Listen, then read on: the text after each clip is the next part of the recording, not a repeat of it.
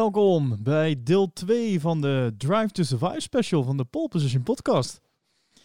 Heb je er een beetje zin in, Ma- Matthijs? Ik wel. Ja? Heb je, eh, eh, keek je hier meer naar uit naar dit gedeelte of eh, hebben we het eigenlijk best al gehad, denk je?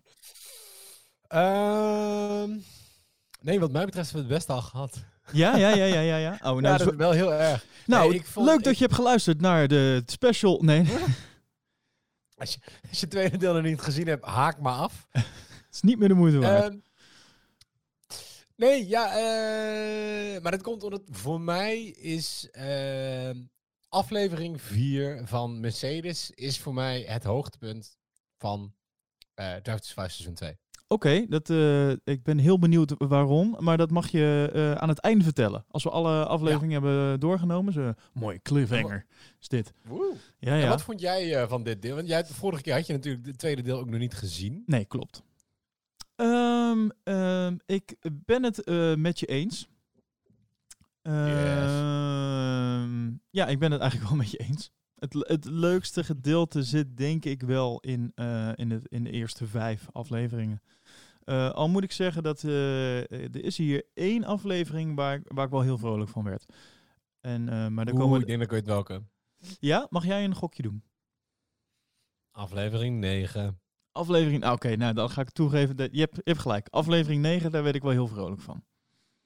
Dus, maar daar, gaan we, daar komen we zo op terug. Ehm, ik, ik moet zeggen, dat is trouwens ook iets wat, wij, wat ik in de Slack terug las. Ehm, toen, ik, eh, toen ik daar vertelde, volgens mij dat jij aflevering 4 in ieder geval de beste vond. Of jij zei dat ergens in de Slack. En toen kwam ook de reactie van, eh, ja, ik vond 9 eigenlijk vond ik de beste. Dus eh, er zijn, is- de, de meningen zijn een beetje verdeeld. Nou ja, ik kan, weet je, ik kan gewoon... Ik kan je ook uitleggen waarom ik dat niet de beste vind. En dat is meer... Als je aflevering 9, die gaat over Williams, als je die super gaaf vond, kijk dan de docu Williams op Netflix. Ja. Dat gaat een uur en drie kwartier over Williams. En dat gaat eigenlijk over alles tot en met, behalve het afgelopen jaar. Eh, maar die vond ik dan veel cooler. Want dat is nog veel meer een kijkje achter de schermen. Maar dat terzijde. Laten we de aflevering gewoon lekker chronologisch eh, afwerken. Of althans Netflix chronologisch. Helemaal goed. Eh, dat betekent dat we gaan beginnen bij aflevering 5. En ehm, daar... Eh, zes. eh, sorry, eh, ik ben helemaal... Van de koek. Knip, kan ik... Je moet even een knipje. Eh, aflevering 6, juist. Dat is de aflevering waar... eigenlijk volgt dat een beetje op aflevering 5. Dat, dat is eigenlijk waarom dat ik 5 zei. Eh, v- eh, 5 begint met Red Bull en het feit dat Gasly dus nieuw in het team is. En eh, eindigt eigenlijk met het feit dat eh, Gasly wordt teruggezet naar Toro Rosso. En dat Albon zijn plek daar gaat innemen. En, en dat is ook eigenlijk dus waar eh, aflevering 6 begint. Al- Albon naar Red Bull. En Gasly terug naar Toro Rosso. En eigenlijk wordt dat een beetje in beeld gebracht, die twee. En Ja. ehm, ehm, we volgen even kijken. Oh ja, volgens mij volgen we onder andere de, eh, eh, de race. Ik wil even, even Spa volgens mij uit mijn hoofd. eh, waar, Ja. we in de, waar we de Formule 2 eh, crash, of, eh, de crash bij de Formule 2 zien eh, van Antoine Hubert en, eh, en, en. Eh, en en, en het- hoe dat in beeld is gebracht, dat was voor mij, dat was voor mij het, eigenlijk het eerste echte kippenvelmoment eh, eh, in, in Hm. dit seizoen. Dat was echt even zo'n, jeetje. Dat, ehm, dat komt dan toch wel weer heel erg binnen, moet ik zeggen. En het is natuurlijk heel wrang dat ehm, eh, Netflix natuurlijk een, eh, eh, een, ja, een soort van real life soap, dat is het eigenlijk ongeveer, een serie maakt van de Formule 1. En ze probeert wel echt op een serie manier ook een beetje neer te zetten. En dan ja, st- stiekem als, als documentairemaker, eh, je hebt natuurlijk geen invloed op al dit soort dingen die gebeuren. Ben je, dit klinkt heel stom, maar ben je blij dat dit soort dingen gebeuren? Omdat je dan echt die dynamiek in, in eh, blijdschap en verdriet ziet natuurlijk. Maar het is natuurlijk verschrikkelijk dat dat gebeurt. En, en, en dus ook heel wrang dat Netflix daar dan natuurlijk ook bij is. Omdat ja, en dat dat ook meeneemt. Ehm, daarom zeg ik, ik had er echt even zo'n kippenvelmoment bij. Zo van, ja jeetje, het is eigenlijk heel bizar. Ehm, ik vond dat wel even moeilijk, moet ik eerlijk zeggen. Ja? Ja, ik, ik weet niet. Het raakte me best wel. Oh, zo, wat, wat, wat zou je dan willen? Dat ze zoiets niet meenemen? Nee, ik Dat vind toch juist, juist natuurlijk, het, het, het, het gebeurt. Het, het overkomt je. En, en, ehm, en ik vind dat ze het ook eh, met respect allemaal in beeld hebben gebracht, moet ik zeggen. En eh, aan het einde Ja. van de aflevering zie je nog een keer ter gedachtenis van Antoine Hubert. Dus eh, nee, dat. En wat ik vooral dan ook, ja, mooi tussen haakjes, eh, bijzonder vind, is dat je dan de, de oprechte reacties, en zeker van Pierre Gasly, eh, eh, en, ook van Charles Leclerc toch wel, ehm, over dat verlies, daar, hoe dat zo meespeelt in die koppies. Ehm, ik, ik vond dat wel heel bijzonder om te zien. Ja. Dit- Ja, ik vond het ook, vo- vooral, je ziet het, eh, zodra de crash gebeurt, zie je Lewis, die is gewoon een interview aan het geven. oh ja. En hij breekt bijna even uit zijn, zijn Lewis interview character. eh, om naar het scherm te kijken. En je ziet gewoon even. Hij stopt gewoon dat interview. Je ziet meteen met de oprecht de, de verschrikking bij hem. En de, Absoluut. Ja, wat, wat op dat door hem heen gaat. Weet je? je ziet. Maar het is gewoon heel even de persoon Lewis. In plaats van. Ja, Lewis die een interview aan het geven is. Volgens mij heeft Lewis ook wel een soort van gelijk door. Van dit is niet goed. Dit is, dit Nou. is wel echt iets ergs, zeg maar. Dat, eh, dat, je ziet dat gewoon, eh, je ziet hem meteen ook. eh, hij, hij wil eerst weer verder gaan met het interview, maar je ziet hem toch met een schijnoog kijken. Zo van: oké, wat is daar nou echt gebeurd? En hij heeft al vrij snel door dat het eigenlijk niet oké is wat er is gebeurd. Ja. Ja, absoluut. Zeker. En, en je ziet dan, en dat is toch, weet je, ik bedoel, zeker als een buitenstaander, zie je dit misschien en denk je, nou oké, weet je, het is super vervelend, maar hè, ja, iemand anders in een andere raceklasse krijgt, krijgt een ongeluk en die overlijdt helaas. Ehm, ehm, en dat is het dan. Maar ik vind dus wel heel mooi dat je hier ziet dat ondanks dat dit een Formule 2 was, weet je, die, die gasten, die zijn al vanaf kind af aan, racen die tegen elkaar, die zijn bevriend met elkaar. Ja. Het is, het is niet zomaar iemand in jouw sport die overlijdt. Het is echt iemand die, je, die ze jarenlang kennen, ondanks dat ze nog op een ander niveau zitten. Ehm, en het is voor hun inderdaad echt gewoon een vriend die, ja, die daar een ongeluk heeft en die daarna overlijdt. Ja, je je ziet ook eh, oude foto's voorbij komen van eh, onder andere Albon. Ja. eh, met, met ook Hubert op, eh, op, op de foto eh, bij eh, ja, een of andere kartwedstrijd die ze dan hebben gewonnen. Ja. Echt, eh, echt nog heel jong. En eh, zelfs van, van Gasly nog best wel iets wat recentere foto. Van hem eh, ergens op een feestje lijkt het wel of zo. En ik heb het idee, dat, eh, bij Gasly is het wel echt een ding, eh, merk ik. Eh, heb je, eh, en misschien valt het valt natuurlijk allemaal een beetje samen met hem van eh, eh, het teruggezet worden naar eh, Toro Rosso, wat natuurlijk echt wel een, eh, een ding is natuurlijk. Ehm, Hij heeft het niet waar kunnen maken in Red Bull en, en ja, weet je, hij rijdt, hij rijdt uiteindelijk niet bij Red Bull om in het, eh, B-team te rijden, om het zo maar te zeggen. En eh, dan komt dit er dan ook nog eens bij. Dat is oh, emotioneel is dat best wel even iets om, om, eh, om te slikken, om het zo maar te zeggen. Ja. Ja, absoluut. Nee, maar hij vertelt ook, hè, bedoel, zij, wa- zij waren gewoon super close. Ehm, en wat je, wat je net zei, ik denk eigenlijk dat je je een beetje versprak. Want je zei, ik vond de reactie van, eh, van Gasly en zeker van Leclerc heel eh, intens. Ja, Alleen, dat, dat viel bij mij eerst op. In het echt, weet ik dat, Leclerc zie je daarna ook in alle afleveringen rijden met een rib eh, Tonio, wat hij Ja. op zijn stuur heeft staan. Ja. Maar je ziet heel Leclerc die aflevering niet. nee, volgens mij is dat de, de aflevering daarna pas. Zeg ja, dat maar goed? Ook dan hebben ze het er maar heel... Ik, en ik weet niet of Leclerc er zelf voor gekozen heeft, hè, dat hij dat niet wou. Want bij mijn weten was hij, ja, naast, naast eh, Gasly stond hij het dichtst bij eh, Hubert. Of was hij het best bevriend ook met Hubert. Maar Ja. omdat je hem heel die aflevering lang niet ziet. Gewoon helemaal niet, ja. Spa niet. Het is natuurlijk ook, ja, dat is een beetje dubbel. Aan de ene kant eh, is natuurlijk de aflevering waarin het portret van, eh, van Albon en Gasly wordt eh, gemaakt. Dus misschien dat ze daarom op die manier hebben gekozen om dat minder of pas in de volgende aflevering iets nog terug te laten komen. Want wat ik al zei, de aflevering begint eigenlijk dus met, met, met het portret Albon en Gasly die eigenlijk van plaats verwisselen.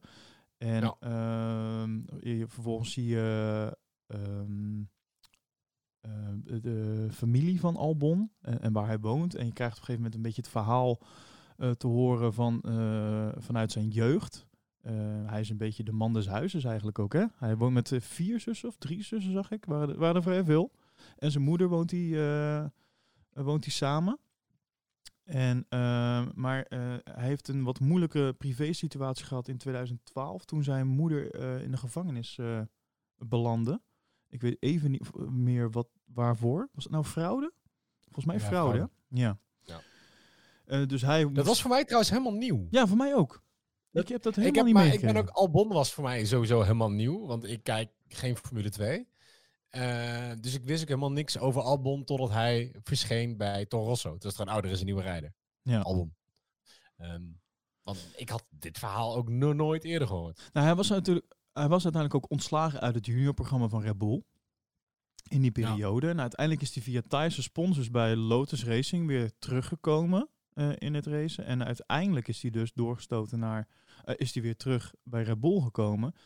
Eh, en, ja, en dus zover dat hij de laatste negen races van het seizoen, wat we volgen, de, ja, mocht rijden voor Red Bull.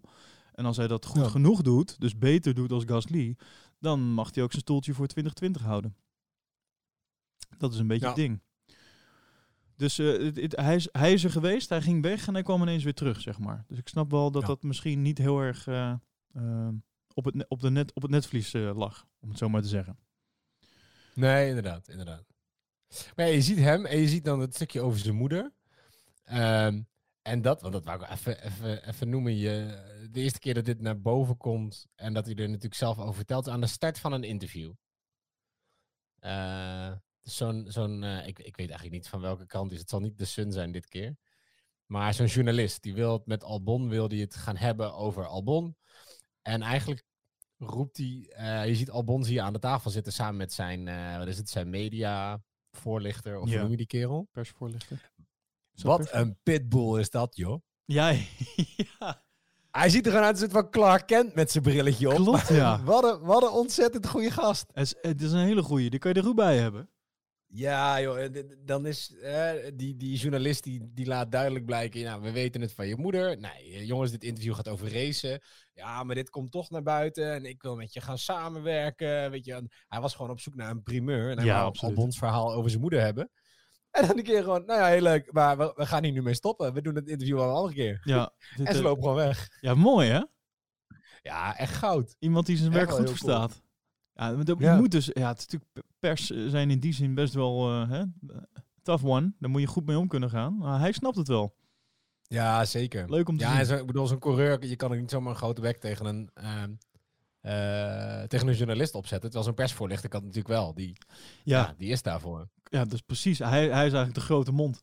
hij moet zeg Ja. maar eh, de grenzen overal aangeven. ja, Ja, dat doet, maar dat doet hij. Ik vond dat echt een super cool stukje. ja, ja, was heel tof. Nou, verder, eh, wat we tijdens die aflevering zien, is eh, de race dus op Spa. ehm, waarin eh, Max natuurlijk helaas uitvalt. Ehm, maar wat we vooral zien is het portret wat we volgen, Albon en Gasly. En uiteindelijk Albon die vijfde wordt. Is nog, je hebt zelfs nog even een mooi een gevecht tussen de twee. Uh, waar die Albon uiteindelijk wint natuurlijk in de Red Bull. En uh, een finished vijfde en Gasly negende. Maar voor allebei hebben ze eigenlijk een hele goede race gereden. Dat is wel heel... Ik vond het wel leuk om hoe dat dan weer soort van bij elkaar komt. En natuurlijk, het was uh, allebei volgens mij uh, aangeslagen door wat er was gebeurd. En noemden ze allebei Antoine. Maar ja. ik vond het wel heel mooi of zo dat die hele emotionele rollercoaster uiteindelijk weer terechtkomt bij nou ja, een goed resultaat voor allebei in de sport waar, die ze zo graag doen. Om het zo maar te Ja. zeggen. En zeker voor Ja. Gasly, omdat die had het echt al natuurlijk moeilijk met het, het teruggezet worden. En nou, voor Toro Rosso heeft hij daar een, een, een mooie, een mooie overwinning. Nee, niet overwinning, sorry. Eh, Nou ja, soms kunnen dingen voelen als een overwinning. In ieder geval een mooie uh, negende plaats binnengeharkt. En uh, nou, dat zullen we later nog wel uh, zien dat uiteindelijk Gasly daar toch wel meer opbloeit in Toro Rosso. Daar was hij toch weer meer op zijn plek uiteindelijk. Ja, dat was veel meer zijn ding. Ja, ja.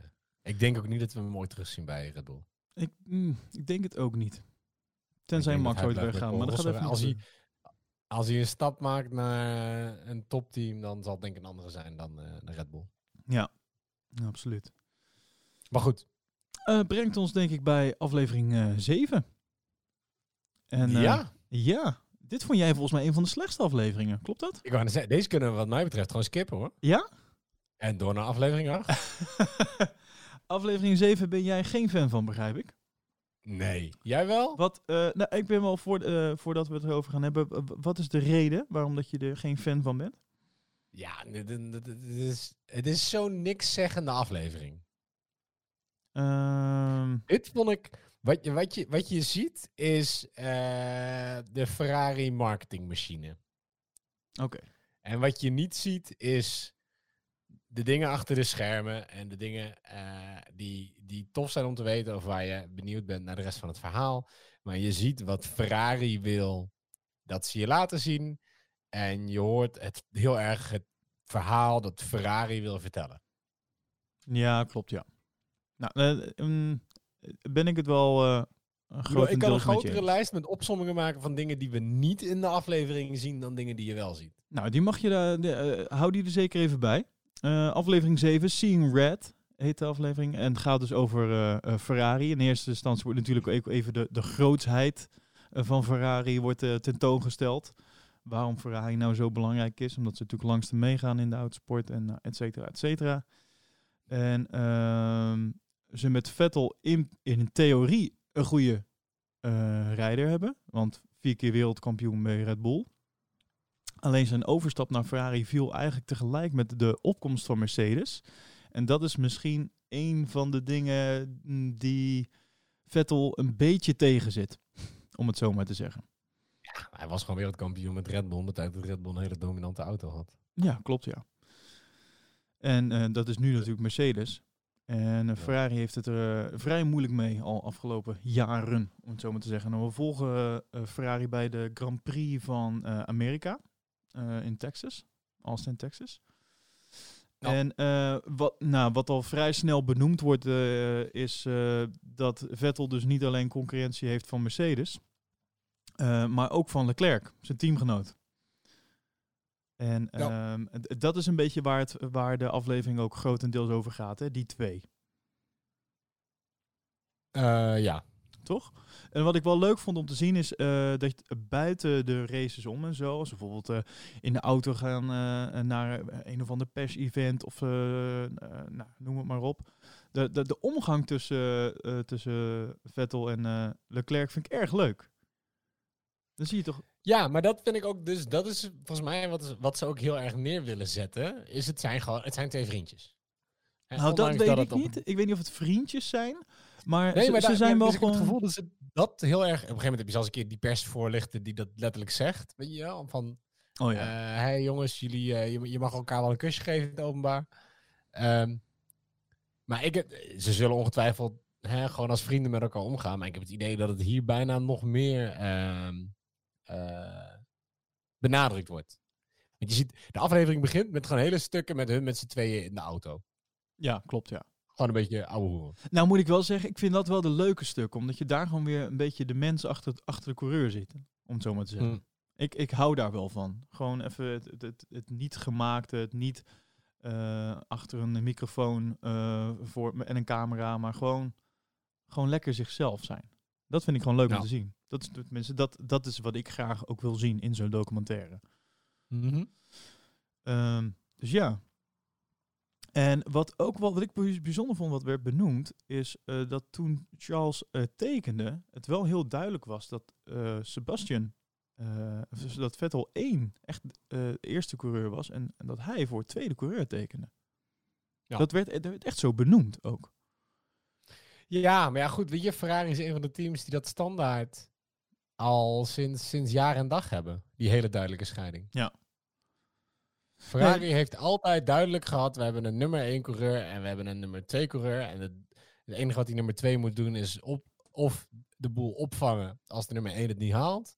Of de nummer 1 beschermen op het circuit door te zorgen dat ze een soort van buffer zijn. eh, dat, dat, dat nummer 1 gewoon lekker vooruit kan chasen en eh zelfs rondjes kan rijden.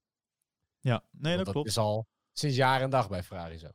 Ja, en met de komst van de Klerk is dat natuurlijk eh, iets anders. Want eh, hij laat zien dat hij eh, eigenlijk gewoon eh, competitief is met, eh, met Vettel. En, en, en op, sommige vlakken soms ook beter.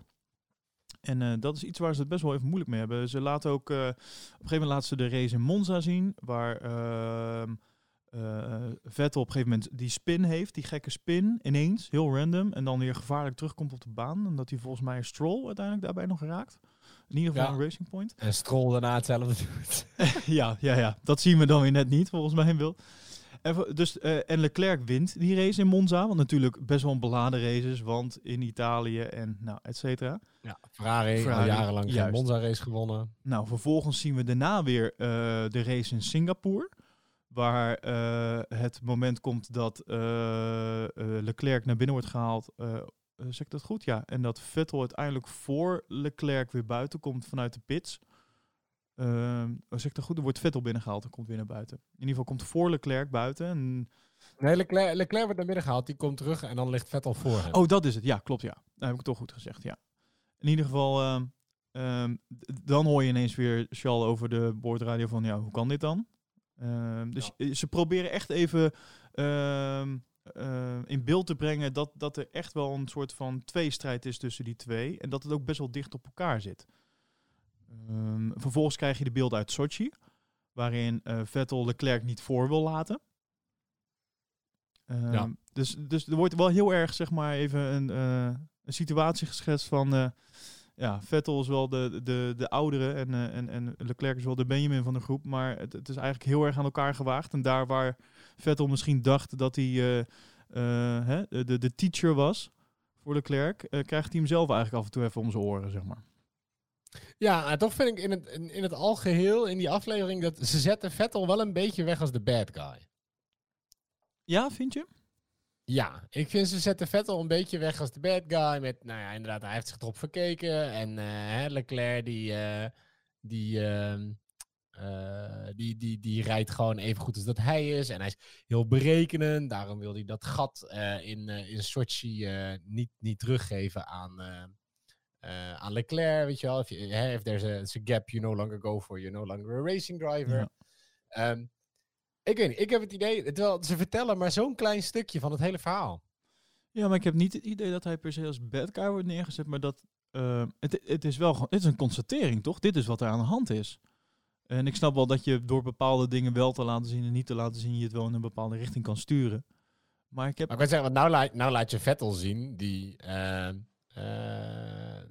de afspraken niet nakomt voor Leclerc. Ja, daar, klopt. begin, dat, dat, daar beginnen ze mee. Wat ze niet laten zien, is dat Leclerc de race daarvoor op Monza, ehm, eh, Vettel, want dat was toen ook een hele rel, die zou met kwalificatie, zou die Vettel een pool moeten geven. En dat weigerde Leclerc te doen. Oh Die ja. weigerde hem een pool te geven, waardoor Leclerc hem uitkwalificeerde en uiteindelijk ook Monza won. ja dit, eh, Maar dat, Dat- zie je nergens terug in de aflevering. Daar wordt niet over gesproken.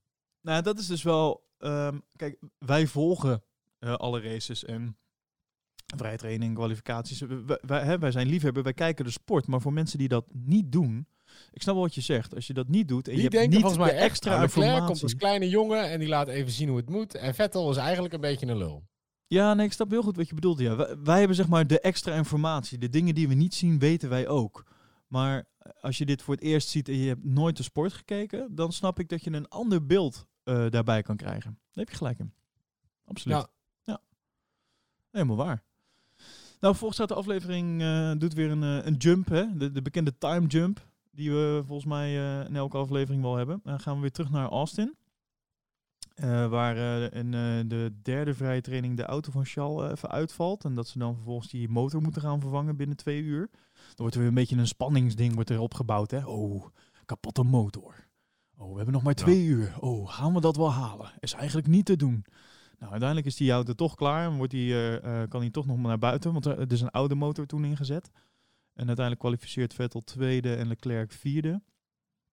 Ehm, dus ja, en toen op een gegeven moment kreeg je dan, dat vond ik heel leuk. Toen kreeg je een soort van Q&A dingetje met Vettel. Eh, met een soort, ik weet niet, dat is, lijkt wel ergens in een van de, van, van, die containers eh, van, eh, van Ferrari. eh, waar, waar dan de VIP's en zo mogen komen. Dan heb je een soort klein Q&A'tje en dan, dan wordt toch even benoemd. En dat is wel hij, dat hij op de op twee na beste coureur bij Ferrari is. En dat, dat zou je dan weer bijna vergeten, zeg maar. Dat naast Schumacher en ehm, Senna, Niki Lauda. Of, sorry, Lauda. Senna. Senna, wat zeg ik nou? Ga je schamen. Ja, sorry, ik, ben, ik zit ook eh, vooruit te kijken. Ga je ja, schamen. ik, zit, ik moet niet praten en dingen ook gaan lezen. Maar niet uit. Eh, in ieder geval. Niki Lauda en eh, Schumacher, dat hij dus eigenlijk op de derde plek als meest, eh, wat zei ik, succesvolle coureur bij Ja, Ferrari. meeste overwinningen. Ja. Zeggen ze volgens mij. Ja. Ja, dat, nou ja, je zou het bijna vergeten, laat ik het zo zeggen. Dus er wordt, er wordt weer Eh. even een klein beeld rechtgezet. Toch? Of niet? Nou ja, weet je, vind ik eerlijk gezegd niet. Oh, Want Vertel. het is, ik bedoel, Vettel die zegt het zelf ook, weet je, ja leuk, de, de statistieken. En ik hoop dat als ik later dik en oud ben en in een schommelstoel zit, dat ik tegen mijn kleinkinderen zeg, ja, maar jongens, kijk, kijk eens naar de statistieken. dat was, dat is Ja, ook was- veelzeggend trouwens toen hij dat Ja. zei. Toen dacht ik, ja. Ik was de op twee na beste coureur bij Ferrari. En ja, eh, of het is omdat de Ferrari eh, met een paar coureurs, waaronder Schumacher, heel lang gereden heeft. Eh, waardoor er eigenlijk maar een heel klein poeltje van, van Ferrari-coureurs is die überhaupt heel veel races hebben gewonnen. Ja, die... ja. Het is allemaal Ja. relatief natuurlijk. Ik bedoel, ja, het is relatief, maar eh, Schumacher die, die werd bijna altijd eerste in zijn tijd. Eh, super dominant. Ja. Eh, eh, Kimi Räikkönen heeft er tijden naast gereden. Ja, die, die had ook geen overwinningen daar. Nee, omdat dat hij altijd tweede was. Ja, ja, ja. Nee, je hebt gelijk. Dus het is, ik, ik, daarom, ik zat ondertussen, terwijl je dit zei, was ik aan het maar ik kan het zo snel niet vinden, met hoeveel overwinningen hij dan derde is. Want volgens mij is het zoiets wat super cool klinkt, maar wat helemaal niet zoveel zegt, omdat iedereen vaak nou ja, drie jaar of vier jaar bij, eh, eh, bij Ferrari rijdt en daarna weg was. Nou, dat is ook een beetje... het- Als hij zegt van, dan kan ik later aan mijn kleinkinderen de statistieken laten zien. Dat is ook eigenlijk wat hij er indirect mee zegt. Zo van, ja, het is, Ja. Dat, het is dat de cijfers het uitwijzen. Ja, ja. Maar anders valt het wel een beetje tegen. Nou. Nou, vervolgens gaan we naar de, ra- de, de race. Zie ik ga gelijk Amerikaans praten, hoor je dat? race. We gaan naar de ra- race in Austin, in Austin, Texas, you know. En ehm, nou, dan zie je op een gegeven moment dat de ophanging eh, bij Vettel eh, kapot gaat. Dus eh, uiteindelijk weer een dramatische, dramatische race voor hem. In dit geval niet, ligt het niet in zijn hand. Dus dan is het weer een soort van, ja, zuur. Weet je wel, dan moet het maar net weer hem overkomen. Want Leclerc die, die eindigt er gewoon als vierde. Dus met die oude motor. Ja. Dus, en dat is ook volgens mij de race waar Hamilton het eh, kampioenschap eh, binnenhaalt. Extra zuur, natuurlijk. Al was natuurlijk meer de vraag wanneer hij het ging doen, in plaats van of hij het ging doen. Ja, ik wil zeggen niet dat hij het ging doen. Het was sowieso al. Ja, klopt, ja. En dat is eigenlijk een beetje alles eh, wat, er in, wat er in die aflevering gebeurt. Dus ik snap heel goed wat jij zegt. Ehm, dit is wel heel erg... ehm, nou ja, het lijkt, wel, het lijkt wel door Ferrari geregisseerd. Nou ja, dat is, het is gewoon, weet je, Ferrari moet een akkoord opgeven. En ik denk dat er geen team is waar zoveel in eh, gemiddeld is als Ferrari. Het is ook de kortste aflevering. Klopt, ja. Hij is 30 minuten. De meeste zijn eh 35, 36, paar Nou, 38. dat is, eh, volgens mij zijn eh, aflevering 10 en 9 ook maar iets van eh 31 minuten hoor. Ah, Oké, ja. Maar goed, alsnog, ja, weet je, ik, ik, ik mis eh, zoveel dingen. Brazilië gaan ze bijna niet op in. Eh, het hele gedoe rondom de Ferrari-motor gaan ze uiteraard helemaal Nee, niet op daar in, gaan ze zeker niet op het, in. Het gesprek natuurlijk vorig jaar. Montreal, daar wordt niks over gezegd. Hè? Dat, eh, de keer dat, dat Vettel dat bord van 1 naar 2 zette. Ja. Omdat hij terugkwam op de baan. Vijf seconden penalty. Dat was een beetje het Ferrari-verhaal afgelopen jaar. Het komt, heel Montreal komt niet eens terug. Die had er wel ingemogen, naar mij, eh naar mijn idee. Nou ja, volgens Ferrari kan ik niet. Anders dan hadden ze dat echt wel gedaan. Nou ja, Montreal komt er wel in terug, maar dat is pas de volgende aflevering. Ja, maar ook daar hebben ze het specifiek niet over dat stuk. Nee, dat is waar. Ik denk echt dat Ferrari gewoon heeft gezegd: jongens, dat mag, dat, dat mag niet. Dit willen we niet dat dit eh, herhaald wordt. Ja, maar aan de andere kant denk ik, dit is toch, dit Ondanks dat- is toch al heel de wereld over gegaan. Dit, Nee, ja, nou, ja. Niet, niet voor de mensen die, die Netflix kijken, maar niet Formule 1. ja. ja. Nee, maar dat, dat is het. Daarom, ik vind het zo gekunsteld. Het is zo in elkaar gedraaid. eh, volgens een Ferrari handboek. En dat vind ik gewoon heel jammer. Nou ja, eh, wat in ieder geval wel zo is, dat we, eh, we krijgen niks te zien in de fabriek. We krijgen niks achter de schermen echt te zien. Nee.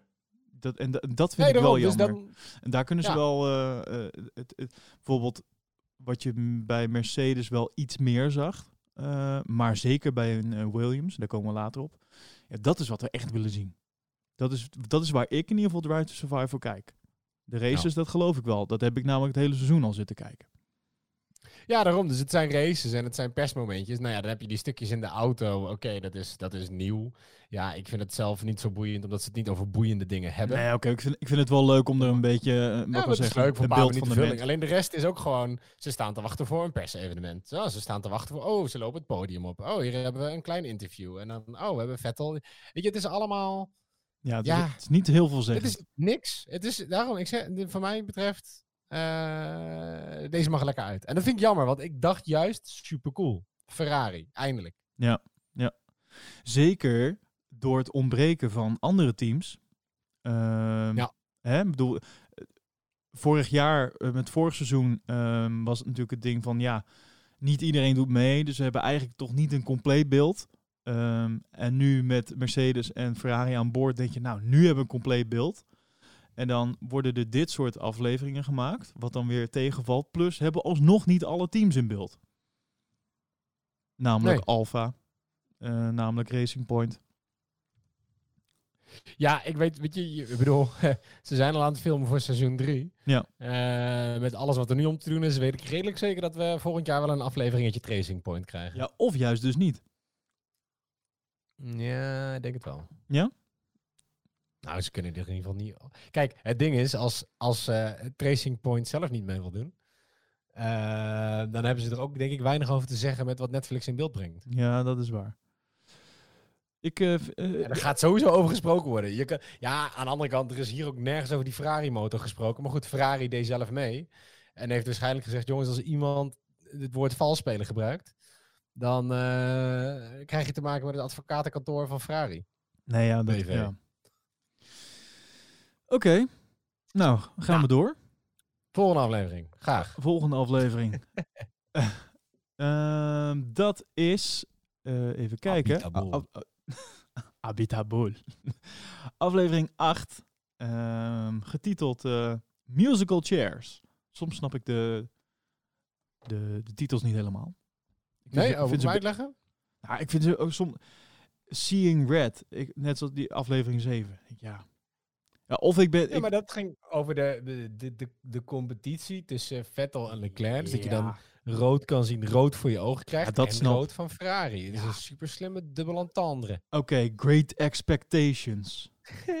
Dogfight, kom op. Lights Out. Ja. Wat zijn dat nou voor titels? Ik Maar zeg, ik zeg niet, ik het is zeg wel- niet, Het is, het is silly, silly season. Maar ik zeg niet Eh, dat mijn titels heel goed zijn, hè? Ik bedoel, Nee, ik wou dat zeggen trouwens. Maar Het is wel een ik, beetje ik, een open deur. ik heb nog wel wat suggesties, hoor. Maar ga verder. Silly Nou ja, dit- Season. nou ja, musical chairs. Ik bedoel, dit, dit gaat natuurlijk gewoon over... Dit is stoelendans. Ja, klopt. Ja. Ik snap je Want silly season. Ja. Ik vind het alleen raar dat je dan niet over alle teams hebt, maar dat je het alleen over Renault hebt. Ja, want daar gaat het over vindt er namelijk. feite maar één wijziging plaats. aflevering 8 zien. eh, musical Chairs gaat dus over Renault.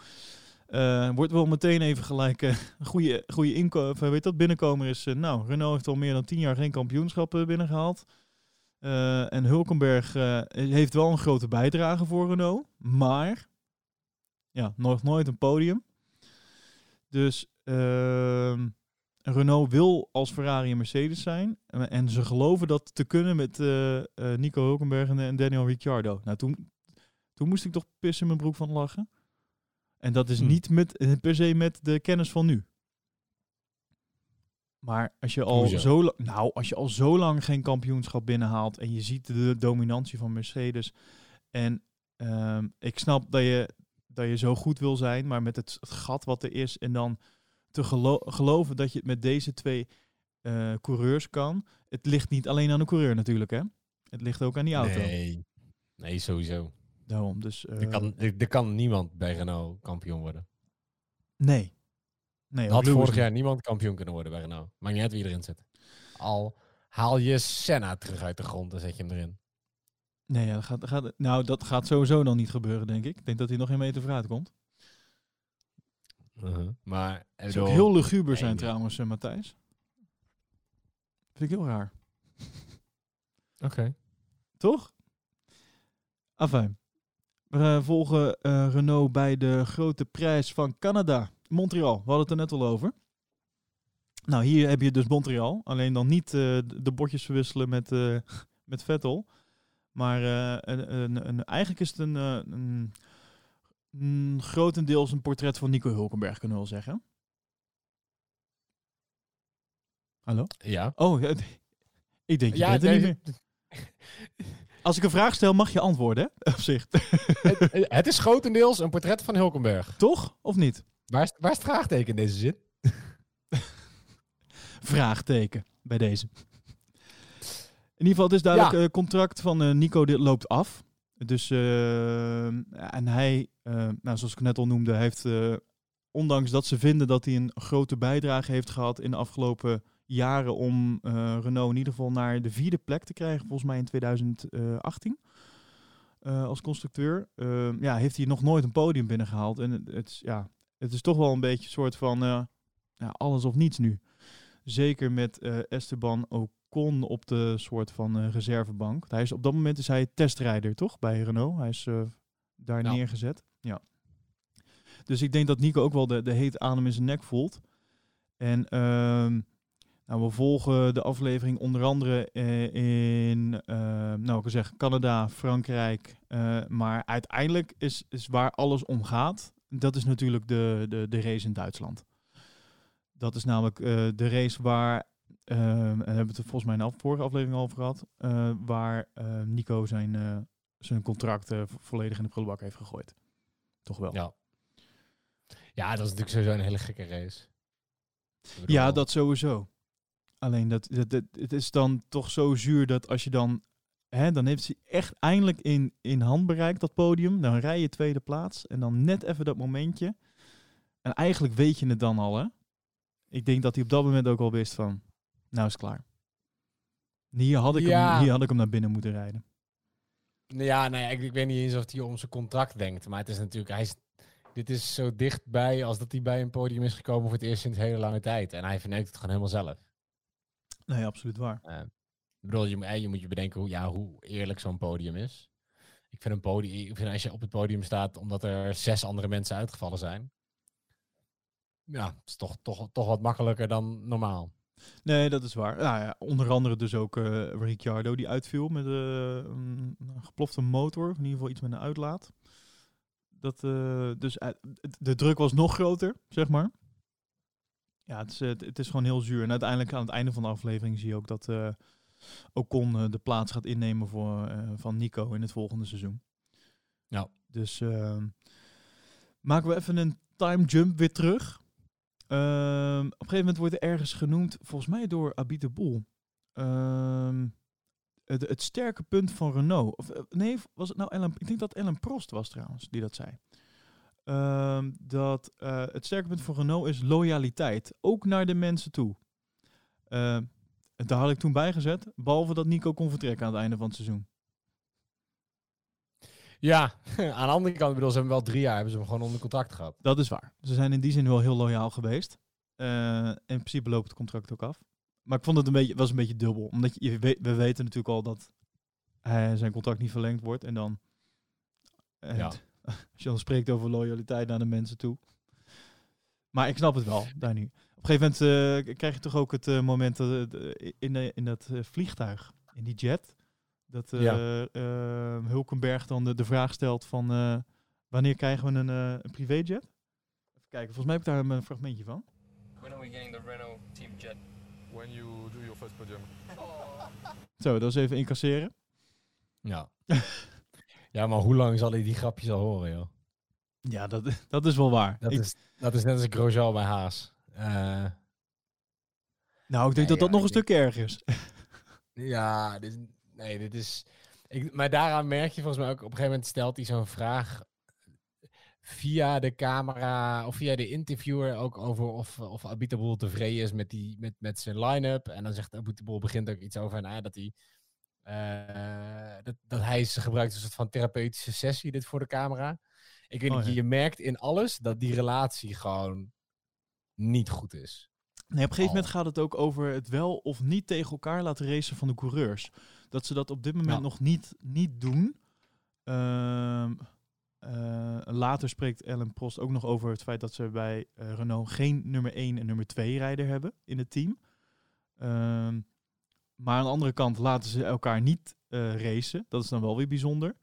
Ehm ze- Abiteboel liet een beetje overkomen van, nou we wachten dit nog even af en we, bepalen dat vlak voor de race of ze dat wel of niet mogen. En vervolgens wordt Nico gevraagd om een antwoord eh, daarop te geven. En het enige wat hij doet is zijn vinger opsteken en zeggen, ja dat ga ik niet doen.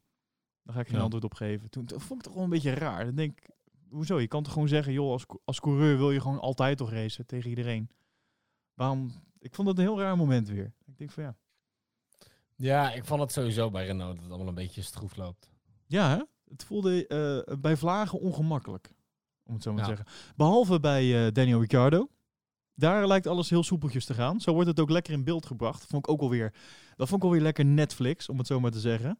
Ehm, dan, dan zag je Hulkenberg die natuurlijk met de druk van, eh, van, het, van zijn contract die afloopt en waarschijnlijk geen verlenging. En dan zie je, worden de shots gemaakt van hem in zijn kleedkamer met een bal en eh, een beetje aan het eh, overdenken. Hè. Zo wordt het dan een beetje in beeld gebracht. En daar, tussen die shots door zien we Daniel Ricciardo ergens op een marktje in, in, in Frankrijk, volgens mij. Beetje, nou, zagen we Daniel Avocado weer. Hey, met zijn Ja. avocado's eh, jong leren. En op een gegeven moment eh, allemaal grapjes uithalen en dingen. Er wordt wel heel erg een soort van gap gemaakt tussen de, de vrolijke, leuke en ehm, eigenlijk wel iets leuker en betere eh, coureur Daniel Ricciardo. En de eigenlijk constant falende Nico Hulkenberg. Ja. Dat, dat, dat vond ik een beetje, dat stak wel, vond ik. Ik vond dat niet helemaal fair. Ik denk, ja, zo heel makkelijk dit. Wat vond jij daarvan? Ja, nou ja, het is omdat hij... Ja, Ricciardo wordt gewoon een soort van, van tv slash film persoonlijkheid voor Netflix en voor Formule 1. Ja. Eh, en dus, dus ja, de, Netflix hij werkt daar ook heel erg aan mee. Dus het in, nou ja, we hadden het de vorige keer even over, daar zijn kennelijk ook contracten over getekend bij Renault en zo, dat, dat hij zoveel tijd krijgt op Netflix en dat ze hem zo neerzetten. Eh, en dat hij natuurlijk voor een heel deel ook wel zo is. Terwijl Hulkenberg, ik denk dat hij toen al ook wel door had van ja, eh, dit is het voor hem, weet je wel. Zou die emotioneel zijn spullen hebben gepakt? Ja, hij wist ook dat zijn contract afliep en het gaat natuurlijk moeizaam. En ja, dan heb je ook niet meer zo'n zin om eh, een beetje leuk te gaan lopen doen voor de camera, denk ik. Hoewel hij het ook al een paar keer doet, dat hij achtervolgd wordt door zo'n camera en dat hij een beetje doet alsof hij ruzie gaat zoeken met de kijker. Eh, ik bedoel, Hulkenberg was ik altijd best een leuke gast voor de camera. En best een leuke Zeker. gast in interviews. Daarom. Dus daarom vond ik ook de, de, de Hulkenberg die ik in ieder geval ken vanuit de interviews eh, met Jack en zo. ehm, is niet helemaal de Hulkenberg die in beeld wordt gebracht, laat ik het dan zo zeggen. Dat vond ik wel een Ja. beetje opvallend. Ja. Nou, vervolgens, eh, ergens midden in de aflevering, komt ineens Esteban Ocon in beeld. En het feit dat, Mhm. ik wist dat dus helemaal niet, dat Toto Wolf dus zijn manager is. Ja, ja, maar Esteban Ocon staat gewoon onder contract bij Mercedes. Ja, maar is, hij, is daarmee dus de teambaas automatisch ook de manager van, van een coureur? Ik weet niet hoe dat precies loopt, maar Eh, ja, geen idee. ik weet niet, in, eh, er wordt namelijk gesproken echt in zijn als manager, maar het lijkt me toch dat je een soort van een eigen zaakwaarnemer hebt of zo. Ik weet niet hoe dat werkt in die wereld hoor. Ja, ik denk het wel. Ze hebben, ze hebben toch allemaal, ook net dat ze ook allemaal van sportcoaches hebben en een eigen medium en zo. Maar overal zal Toto is de manager van Mercedes. Dus Toto managt de Mercedes eh, ja, rijders. op die manier ja. ja. Punt. Ik zag het meer als soort van zaakwaarnemer, omdat ze ook echt, zeg maar, ehm, een, eh, een telefoontje van Toto aan Cyril was om een afspraak te maken. En dat ging eigenlijk gewoon over, over het contract van Esteban. Ehm, het viel me trouwens op dat zijn Frans heel erg goed is. Ja, die spreekt gewoon Nederlands, Duits, Frans, woordje Italiaans. Ja, Frans-Duits. Eh, Is die weer? ja. Nou ja, dat... eh, nee, niet leuk. Waar zit hij? Oh, hier. Nee. Maakt er niet uit. Dus, ehm, ja. Nou, en vervolgens eh, dan de, de, de race in Duitsland, waar we het net al over hebben gehad. En nou, uiteindelijk de, de definitieve eh, doek wat valt voor, eh, voor Nico. En ook kon die dus eh, zijn plaats gaat innemen in het volgende seizoen. Dat is een beetje wat er in aflevering 8... eh, ik vond het, ook dit vond ik eigenlijk ehm, een, een best wel tegenvallende aflevering. Om dezelfde reden als bij, bij Ferrari, eerlijk gezegd. Ja, het is uiteindelijk het is, vermakelijk om naar te kijken, maar je leert er niet echt iets nieuws van. Nee, klopt, ja. Nou ja, een aflevering waar we wel wat nieuws over leren. Althans, soort van. Ja. In ieder geval die een stuk vermakelijker is om naar te kijken. Dat is aflevering 9. Daar heb ik echt heel veel plezier aan gehad. Eh, Blood, Ja, Sweat and Tears. Van, eh, hoezo dat? Nou, ja, wat ik al zeg, dit is wat ik wil zien. Dit, ik, wil, ik wil die beelden vanuit, de, vanuit de fabriek zien. En ik wil... ehm, ja, de- ik denk dat de helft van de aflevering ongeveer daarmee gevuld was. En dit gaat natuurlijk, dit gaat over Williams. Eh, in eerste instantie werd eh, de Williams-historie een beetje in beeld gebracht en waarom de naam Williams zo eh, belangrijk is en wat ze hebben bete- betekend in de sport. En vervolgens zien we gewoon heel veel beelden vanuit de fabriek waarin de, de auto wordt klaargemaakt voor de wintertests. En, en dat was natuurlijk een van de grote verhalen natuurlijk ook van Williams eigenlijk afgelopen jaar. Is het feit dat zij de eerste twee dagen uit mijn hoofd, of zeker de eerste dag in ieder geval, nog geen auto eh, in Barcelona hadden. En je ziet eigenlijk net de weken daarvoor dat daar wordt gefilmd.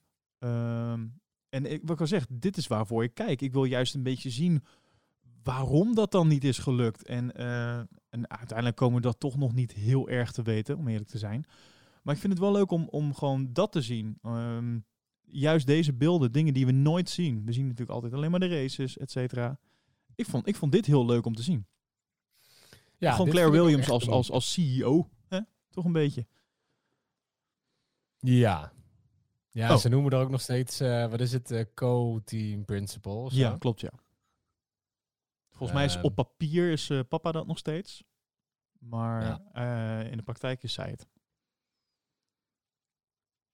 En hoe vond je deze blik die je kreeg op eh, Claire Williams? Ehm, nou, ik heb, ik heb wel het idee dat dit een, een, een hele eerlijke blik is, om het zo maar te zeggen. Ik vind, ik vind Claire best wel oprecht overkomen. Ik heb alleen ja, ja, niet... maar eh, ja, ik snap waar jij naartoe wil. Ik, he- ik kreeg niet het gevoel dat zij een hele eh, sterke ehm, teambaas is. Nee. Dat is natuurlijk, daar kan je aan, nou, 30 minuten footage waar misschien eh eh 10 tot 15 minuten daadwerkelijk Claire in beeld is, is natuurlijk heel moeilijk om te zeggen. Maar zo kwam het in ieder geval niet over. Laat ik het dan zo Nee. zeggen. Dat is denk ik waar je naartoe wil. Ja, ja, en nee, inderdaad. Weet je, dit is, zij is, ze is, het is natuurlijk een legacy, Williams. Eh, en het is bedacht door eh, meneer eh, Williams, eh, vele, vele, vele jaren geleden. Eh, en zij eh, heeft de, de scepter gekregen omdat ze de dochter is van. Nee, dat is Ehm. waar. Ik heb daar ook nog iets over opgeschreven. Even kijken hoor. Ehm, dat, dat zegt ze eigenlijk aan het einde. Ze, ehm, zegt ze van eh, dat ze de baan heeft aangenomen, want to protect the legacy. En toen heb ik daarachter geschreven: is dat genoeg? Is, is Ja. dat zeg maar, is die drijfveer of is dat, is dat genoeg? Of heb je andere skills nodig om, om, ja, om daadwerkelijk die, die, die job te hebben? Ik denk dat er meer skills voor nodig zijn. Ja. Ik snap Ja, dat ik ze vond de... het super, super sprekend. Dat je, je hebt ergens aan het begin van de aflevering, eh, na, na een minuut of tien, ehm, dan staat ze daar. En ik hoop voor haar heel erg dat dit in scène is gezet. Maar dan staat ze daar en dan hebben ze het over de test. En dan hebben ze het over, ah ja, de achterkant van de auto is compleet. Eh, en eh, oh ja, de spiegel, ze hebben kennelijk iets heel goeds met de spiegel hebben, hebben ze gedaan. Ehm, en dan begint het, oh ja, maar, maar we, we missen nog... En dan beginnen ze met een lijstje. ja, een soort En we boodschappenlijst. missen dit. En we missen dat. En we missen... En het is een paar dagen voor het testen. En ik, nou, ik hoop dat ze dit in scène hebben gezet dat Claire al een paar weken wist dat ze dit miste. Maar als hij daar daadwerkelijk voor de eerste keer was hoorde dat al deze shit nog miste aan de auto. Ja, zo, klonk, zo zag het er in ieder geval uit, haar gezicht. Ja, zo zag het eruit. Je zag, ze, nou, het huilen stond er nader bij dan het lachen. Ja. Eh, ze, want, wat, wat, ze begonnen ook, oh ja, met de spiegel is een winnaar. Toen zei ze, oh, Williams en winnaar. Nou, dat heb ik al lang niet meer gehoord. Ja, ook zo'n pijnlijke zin. Auw. Ja. En dan dat je denkt, ja, maar hoe weet je dit als team principal? Ze wordt een beetje weggestuurd met, we zijn ermee bezig. En dat is het dan. Ja, kijk, dan, dan moet je gewoon een Gunther Steiner momentje even hebben. Gewoon iemand zeggen, die ik- gewoon ik- het, het veld er even overheen trekt. Van, ja maar jongens, wat is dit in vredesnaam? Ja, we betalen, we betalen jullie niet misselijkmakende bedragen om deze shit op tijd af te krijgen. En dit is er niet. Waarom hoor ik dit nu? En waarom is dit niet opgelost? Ja, Maar ik weet niet, het, ze lijkt heel vriendelijk en heel... En al doe je het op een toto-manier zonder dat je het scheldt. Maar er komt gewoon, er straalt geen kracht van daar nee, nee, ik snap heel goed wat je bedoelt. Daar ben ik helemaal met je eens. Dus eh, ja, in- ik, ik vraag me af dus ook in hoeverre, eh, hoe lang zij nog die eh positie zal hebben. Ehm, maar ik ben bang dat, dat het feit dat het een eh, familie, et cetera, dat dat haar heel lang nog in het, eh, ehm, in het zadeltje houdt, daar zo. Terwijl Nou voor het team dat iets anders nodig is, denk ik. Ik denk dat ze er gewoon iemand onder moeten zetten die het, het merendeel van haar taken overneemt. En dat zij gewoon de Williams... Ja, Hier, er valt heel veel voor te zeggen dat het een Williams, dat het een familiebedrijf is. nee, klopt. En, voor en voor het zij plaatje al zo lang meedoen. En dat is, dat is ook speciaal. Maar ja, ja, ik heb niet het idee dat ze het echt eh, kunnen. Nee, op een gegeven moment, dat is ook zo'n zo'n zo'n zo'n shot. Dan eh, staan ze bij het vliegveld van Barcelona, zijn ze net aangekomen. Met vrij bijzondere handbagage, moet ik zeggen. Met in eh, bubbeltjes plastic gewikkelde, ja, weet ik veel, onderdelen voor de auto. Ja. Dan denk ik, hoe, hoe check je dat in? Daar moest ik Ja, even over nadenken. Ja, dit is, eh, ja, dit is een stukje bubbeltjes plastic met een eh, stukje van de Formule 1 auto. Je moet even door de scan. Het blokker. Ja, dus dit is ongeveer 500.000 eh, pond waard. Afijn. Dus, nee, ja, weet je, ik zeg, eh, ik zei aan het begin van de aflevering, ik vind Williams is super tof. Ik wist er niet zo heel veel vanaf eh, tot eh, verleden jaar en ik die, die Williams documentaire heb gekeken. Ehm, doe dat, zeker. Dat geeft je nog veel meer een idee van hoe dat team is ontstaan. En een veel groter respect vind ik voor de oude heer Williams. Ehm, en hoe zij het altijd hebben klaargebokst. Ja. Iets minder respect was er voor de, de technische man, Paddy Lowe. Ja, Paddy. Ja, ja, want op een gegeven moment eh, eh, tijdens eh, de wintertests eh, kreeg Williams natuurlijk eh, de hele pers over zich heen van waarom een Formule 1-team eh, aanwezig is zonder auto. En ehm, er wordt heel goed, dat vond ik wel goed, er wordt heel goed in de documentaire, of ja, in de aflevering dan ook de vraag gesteld. Volgens mij is dat die, die ene journalist die eigenlijk kon, tussendoor steeds in beeld is.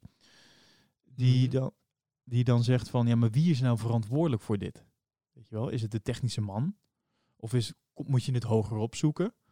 Uiteindelijk zie je, dan zegt hij van, ja, Paddy Lowe, die wordt uiteindelijk eh, achter de microfoons getrokken.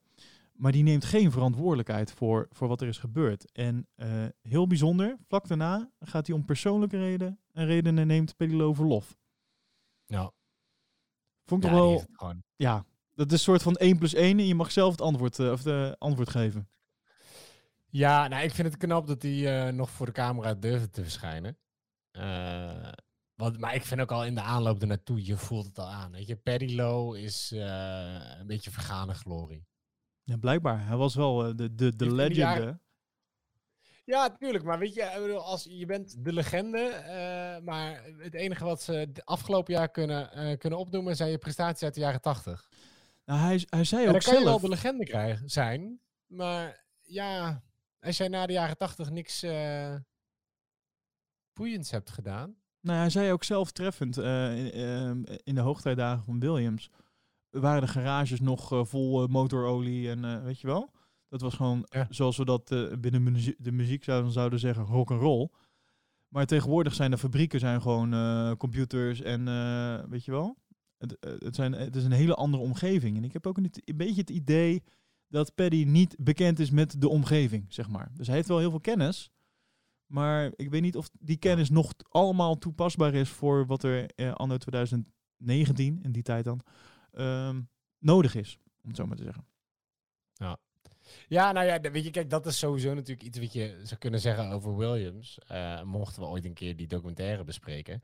Williams heeft natuurlijk heel vaak, ook in die tijd, ook onder Lowe, gewonnen. Doordat zij hele briljante dingen bedachten. Die zo slim waren dat er geen regeltjes voor waren. En hun auto vervolgens zo goed was dat ze een jaar lang alles wonnen en wereldkampioen waren. En, en hun nieuwe dingetje verboden werd. Ja, en het jaar daarop, ja, klopt, ja. Zo heeft Williams heel vaak gewonnen. Wat op zichzelf natuurlijk. Ja, ze hebben altijd wel de. eh, eh, De grenzen. De, de, de regeltjes maximaal uitgerekt. Ja.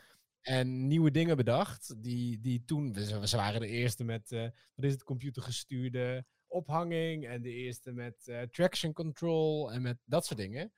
Maar dat was de reden dat de Williams wonnen. Ja, nee, dat is Het waar. waren significant betere auto's dan de rest. En daar heeft Paddy bij geholpen. Maar ja, tegenwoordig heb je zo'n dik handboek. Verzin nog maar eens iets wat eh, niet door de regeltjes verboden wordt.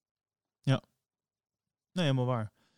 Er wordt nog even een portret geschetst ook van eh, bij, de, bij de coureurs, hè? Eh, George Russell en, eh, en Robert Kubica. We zijn erover uit. Hij moest zichzelf introduceren en hij zei het zelf met een S, met een tsch. Dus het is Kubica. Kubica. Ja, vond, was toch een opluchting. Dat we nu uiteindelijk, want hij is er wel eens eerder naar gevraagd en zei hij, ja, maakt me niet uit. En, maar als hij zichzelf dus moet introduceren, is met een tsch. Kubica.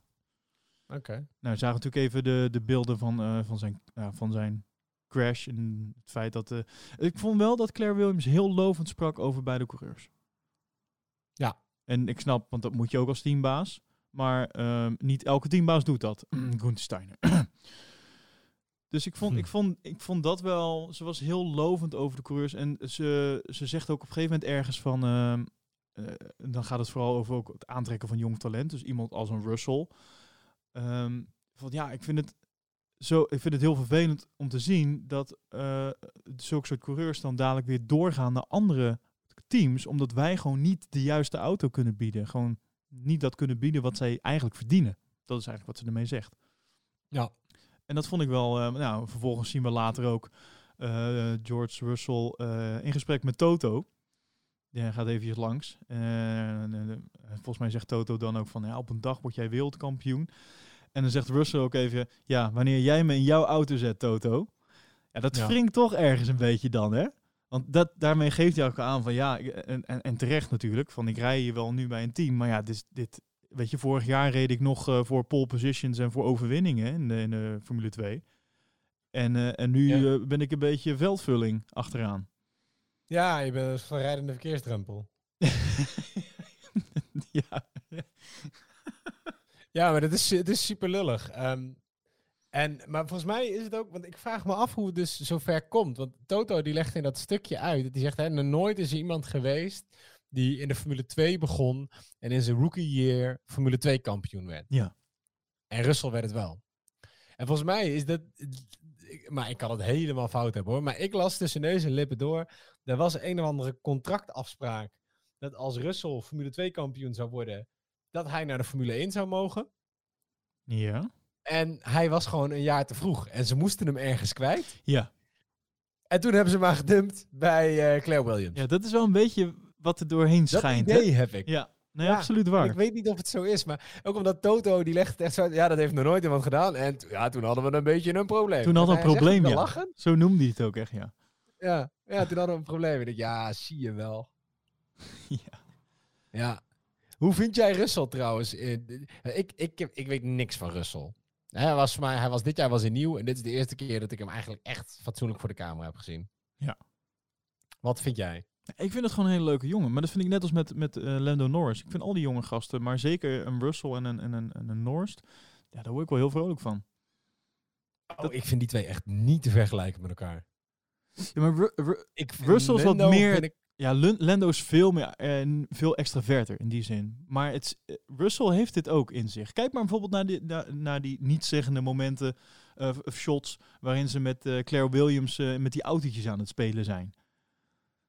Je weet toch wel, zo'n Ja. zo'n elekt- elektronisch racecircuitje.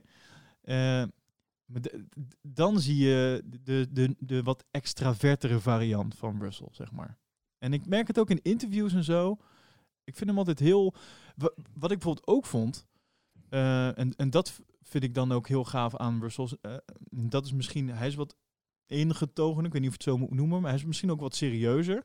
Want eh, vervolgens zie je eh, richting het einde van de aflevering wat shots van hem racend in Silverstone. Natuurlijk een beetje de, de thuisrace van Williams. En Mhm. eh, nou, je, je- hoort hem op een gegeven moment over de boordradio dingen roepen als eh, de auto is gevaarlijk en onbetrouwbaar en haal me naar binnen en dat soort dingen. En vervolgens in die nabespreking, want ze laten hem buiten, vervolgens in die nabespreking eh, vind ik hem echt op een hele volwassen manier heel eerlijk, maar op een heel correct eh, feedback geven, om het zo maar even te zeggen. Ja. Op, op, op die auto en op het feit dat het echt anders moet. En dan denk ik van ja, maar je, je bent echt wel een grote. Ja, als, je, als je op die manier, met, met die leeftijd, als gewoon zo erg, ehm, ja, toch, een, toch een soort van eigen mening durft te, te geven. En, en ook gewoon niet bang bent om, eh, om, tegen mensen hun scheen aan te trappen. Ja, nou, nou lijkt het me sowieso natuurlijk wel grappig, want dat in dat soort teams, bedoel, al die gasten die eromheen zitten, die ingenieurs, die zijn allemaal, eh, nou ja, in ieder geval 35, maar vooral 40 of 50 plus. Ja, En die werken natuurlijk altijd uiteindelijk met gasten van 20, 21, 22 jaar, die hun even vertellen wat er allemaal mis is met hun auto. absoluut. Maar en je ziet dat ze het er zeker bij Williams allemaal best wel moeilijk mee hebben. ja, nee, ik dat, vind het jammer. Ik had, daar, ik had daar Kubica graag nog een beetje aan het woord eh, gezien. Gewoon dat ik benieuwd was welke feedback hij had eh, over die auto. Ja, ja, klopt. Ja. Dat, dat hebben ze dan niet in beeld gebracht. Dat is jammer. Nee. Maar, eh, maar om terug te komen op jouw vraag. eh, om, om dat soort redenen vind ik eh, Russell... Kijk, Lando Norris is misschien iets meer nog dat broekie of zo. Dat idee heb ik altijd een beetje als we hem zien, zeg maar. Snap je? Hij, hij is wat meer een richting... Als we zeg maar, de schaal moeten hebben, dan hebben we aan de ene kant heb je Kimi Räikkönen. Aan de andere kant heb je Daniel Ricciardo, zeg maar. Zo, weet je wel? Dan is Lando toch meer Daniel Ricciardo. En dan vind ik Russell toch iets meer Kimi Räikkönen. Om het zo maar te zeggen. Maar ik Hmm, vind hem wel serieus. Ik, hij, hij oogt, tenminste met dit soort beelden die ik dan nu zie, eh, oogt hij wat serieuzer. Misschien iets volwassener op die manier. Maar jij hebt een totaal andere mening, begrijp ik. Nou ja, ik weet niet. Ik, ik, ik zit al de hele tijd, terwijl je praat, ben ik aan het denken hoe ik het zou omschrijven. Mijn go-to antwoord is, ik vind het een beetje een pannenkoek, maar dat is niet zo. Want het is, Hoezo een je pannenkoek? Ja, nee, maar dat, dat is meer mijn go-to... ehm, Ja, is je stokpaardje eh, dit. Ja, mijn scheldwoordje. Ehm, ik vind... Nee, het is geen pannenkoek, maar ik vind dat Russell de diepgang heeft van een punaise. De, dat vind de diepgang van een punaise, dames en heren. Ja, Vertel. Nee, maar ik, ja, ik weet niet. Ik heb het, ik, ik heb zo geen, voor mijn gevoel heeft die jongen zo geen persoonlijkheid en hij is gewoon niet leuk of zo. Oké. Ik weet niet. Het is eigenlijk al, hij zou heel snel kunnen. Het is een beetje zo'n slungelig gassie en, en ja, en die, eh, op het eind van die aflevering zie je inderdaad dat hij, dat hij heel wat rake woorden en heel wat, wat feedback heeft. Maar ik weet niet, ik vind het een beetje, ja, ja, ik, het is, voor mij heeft het gewoon heel weinig diepgang. Oh, ik, eh, nou, dat, Hij, ik is, ik, weet nu al, ik ga niet voor Russell juichen. Ik wil super graag dat Max wereldkampioen wordt. Ik, eh, of dat, dat eh, nog eens een keer wereldkampioen wordt. Maar, maar, maar dan, Ehm. wat vind je dan van de Max? Eh, In vergelijking met, met George Russell. Ja, ik vind Max vind ik een stuk leuker. Ja, maar de, de Max van twee, drie jaar geleden. Nou ja, ook al. Ja? Wel, maar die, ja, maar nou ja, die, kijk, bij, misschien is het omdat ik Russell nog niet heb zien racen, maar eh, eh, alles wat ook van hem, en het is natuurlijk ook moeilijk als je inderdaad een kampioen bent, maar alles van hem straalt af als hij daar bij Williams zit met, nou, ik ben hier echt veel te goed voor. En het is dat eh, ik nog onder contract bij Mercedes sta, dus mijn kostje is wel gekocht. Maar anders dan hadden Oh, die nee. allemaal door de stront kunnen zakken. Nou, ben ik Dat niet met je eens. de vibe die ik van hem krijg. Nee, ben ik het totaal niet met je eens. Want ik vind juist dat ondanks dat hij zeg maar... Bedoel, je mag heel erg gefrustreerd zijn als je in zo'n auto rijdt daar zo achteraan het veld. Terwijl je het jaar ervoor Formule 2 kampioen bent geworden. Maar ondanks dat bl- blijft hij... Ik heb hem nog nooit ehm, heel erg uitgesproken negatief over Williams gehoord. Behalve dan de dingen die gewoon terecht zijn. En ehm, hij, ik vind juist dat er wordt, eh, wordt benadrukt dat ondanks zeg maar, dat zijn houding gewoon heel erg goed is. En gewoon blijft proberen om zijn input te geven om die, om die auto beter te maken en om het team beter te maken. Ondanks dat hij gewoon Ja. natuurlijk veldvulling is. En laten we eerlijk zijn, dat is die ook gewoon. Dat mag Ja. best benoemd worden. Dus ik vind, ik vind juist dat hij daar heel erg volwassen en correct mee omgaat. Ja, oké. Dus. Dus. Nee, ja, de- hij doet het goed. Maar ik zeg al, ik denk niet dat ik ooit voor hem ga... eh, Maar hij is voor mij net als wat ik eigenlijk ook van eh, met Vettel heb. Oké. Eh, en dan vind ik Vettel nog wel leuk. Want Vettel, het is, hij kan leuke dingen doen en het is een leuke persoonlijkheid. op veel manieren. nou, daar komt hij hoor. Ja, maar ik zal nooit voor hem juichen. Oké. Ik vind Vettel, het is, vind ik net als, ja. Ja, Daar komt de er. vergelijking. het is Vettel. Het is Vettel. Ja, het is een beetje, het is een beetje als dat je vraagt, Matthijs, wat vind je van magere yoghurt? Ja, het is er. Ja, het is... Maar dat heb ik bij Russen. Ik zeg net, ja, als ik een keer wereldkampioen word, ja, tof. Matthijs, wat Ik vind, jij van, waarschijnlijk voor iemand anders. wat vind jij van magere yoghurt? Ja, dat vind ik niet boeiend. het is dat het er is. Als het is, dan eet ik het wel. Maar het is, eh, ik zou het zelf niet kiezen. Dat is het nee, eh, dat is het. Ah, kijk, nou, ik vind dat je dat wel mooi omschrijft zo. Laten we snel doorgaan. Volgende aflevering. De want volgende- we zitten alweer eh, over een uur heen, man. De En laatste aflevering. Ja, maar de- we, we moeten het gewoon wel goed bespreken. Matthijs, Nou, ja. hè? we moeten er niet van, van een leidakje ervan af. eh. we moeten gewoon... Eh, aflevering 10. Nou, als, er- als er een aflevering is die ik nog slechter vond dan eh, de Ferrari-aflevering, dan is het deze wel. Ja. Dit was voor mij echt een totaal overbodige aflevering. Had je zo kunnen schrappen. Slaat, slaat helemaal nergens op. Ja, ik snap ook niet waarom ze niet gewoon eh Tracing Point afleveringetje hebben gedaan. Of eh Alpha. dit, dit voelde voor mij als, nou, we hebben nog een beetje footage over. En we moeten eh, een soort van aankondigen dat we volgend seizoen weer wat te, te vermelden hebben. Ja, want opeens zijn we weer terug bij Toro Rosso. Ja, klopt ja. En dan krijgen we even, dat moet dan wel gezegd worden, even het, het prachtige huis van Albon te zien. Althans, voor zover, met een prachtig uitzicht. En even de dikke, Ja, dikke. Aston Martin, waar die eh, toen nog Ik- in mocht ik rijden. Ik wou zeggen, je bedoelt volgens mij, we krijgen de leaseauto te zien Ja, van Aston natuurlijk. Martin en het huis dat Red Bull heeft in... eh, Jawel, jawel. Maar toch, ziet er prachtig Maar uit. nou, ik vind het wel cool denk dat je dat ziet als tegenstelling tot dat huis wat hij in Engeland heeft. Ik denk dat de onderbroek van Gasly er nog lag. Ergens in Eh, de ja. hockey. Gok ik. Zou het hetzelfde huis zijn, denk je? Wat zei je? Zou dat hetzelfde huis zijn? Ja, tuurlijk. Dat is gewoon het huis wat Red Bull heeft in Monaco. Ja, ja. Dit zal gewoon een zakelijk... eh, Dat is gewoon een... Je, hebt het heel veel. Heel veel grote bedrijven hebben dat dan appartementen. En daar zitten ze... Weet je, als eh, bestuursleden in of mensen die daar dan moeten zijn of whatever. Joh, dat hoort gewoon bij... eh, Maar, maar zou, dan, zou Gasly echt moeten zijn, ja, gaan verhuizen? Of heeft hij... ja. Ja? ja Denk je dat? Denk je Ja, niet gewoon... in, in, jou- in jouw contract zal gewoon staan, als jij bij Red Bull werkt, dan heb jij recht op een, een auto van de titelsponsor of zo. Of ik weet niet hoe ze het omschrijven, maar het is duidelijk dat het de- nieuwste van Aston Martin is. En eh, je hebt recht op eh, de, de, de woning zoals Red Bull die aan jou geeft. Ja, op de... Ja, oké. Ja hoor, en, en, toen, en, en ik denk dat eh, drie straten daarachter, een klein beetje achteraf in Monaco, staat het huis van Toro Rosso. En ik denk dat Gasly daar nou zit. Hem drie straten. Ja, maar dat is Klein het- zo werkt het gewoon. Super simpel. Ja. Ehm, en het is net ja, hij krijgt die auto van Aston Martin. En zodra Aston Martin een nieuwe auto heeft die ze willen promoten, dan wordt dat zijn auto. En daar zal hij helemaal niks over te zeggen hebben. Nee, nee, nee, dat geloof ik wel. Maar, eh, nou. Maar ja, goed. Afijn. Ja. Op een gegeven moment gaan we maken een jump naar de GP van Brazilië. En ja, zowaar, Olaf Mol is er ook nog even in te horen. Ja, hè? Ja, met, met zeker één zinnetje. Nou, ik denk dat hij dat toch wel leuk vindt, of niet? Ik Ja, zeker. En, ik denk ehm, dat het merendeel van de wereld denkt, wat de fuck was dit voor taal? ja, dat denk ik ook, ja. Wel doet hij dan wel goed door in zijn, zijn titel altijd even de Zero Sport natuurlijk te noemen. Dus Zero zal ook Ja. wel weer blij zijn. Ehm, dus ook Ja. het contract van Olaf is, eh, staat vast. Verlengd. Tot en met het einde van zijn, eh van zijn eh, presentatie eh, eh, loopbaan. Ehm, nou, vervolgens, ik heb echt ik heb dingen opgeschreven en ik denk, ja, het, het, er was er echt niet heel veel te zien. Eh, het gaat vooral eh, over de. Het, het zijn, we zoeken.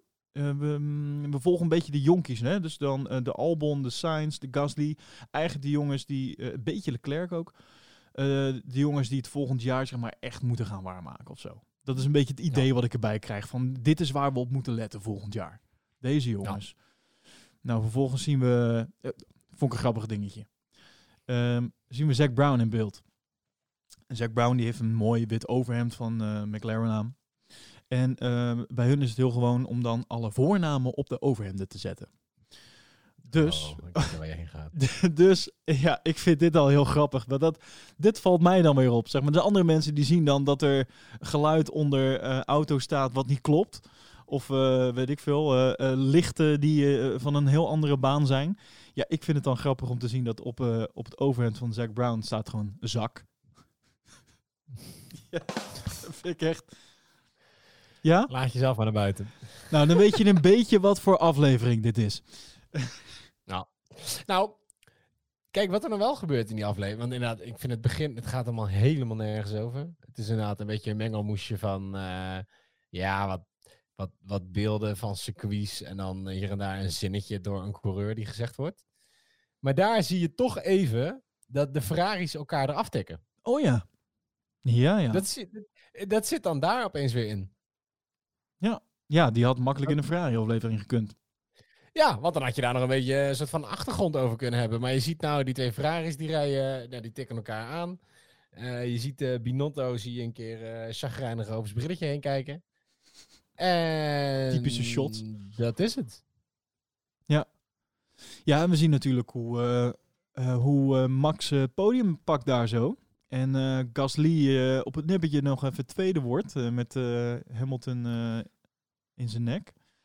Ja. En ehm Sainz die in eerste instantie dus vierde wordt, maar uiteindelijk dus derde omdat Lewis nog een tijdstraf krijgt.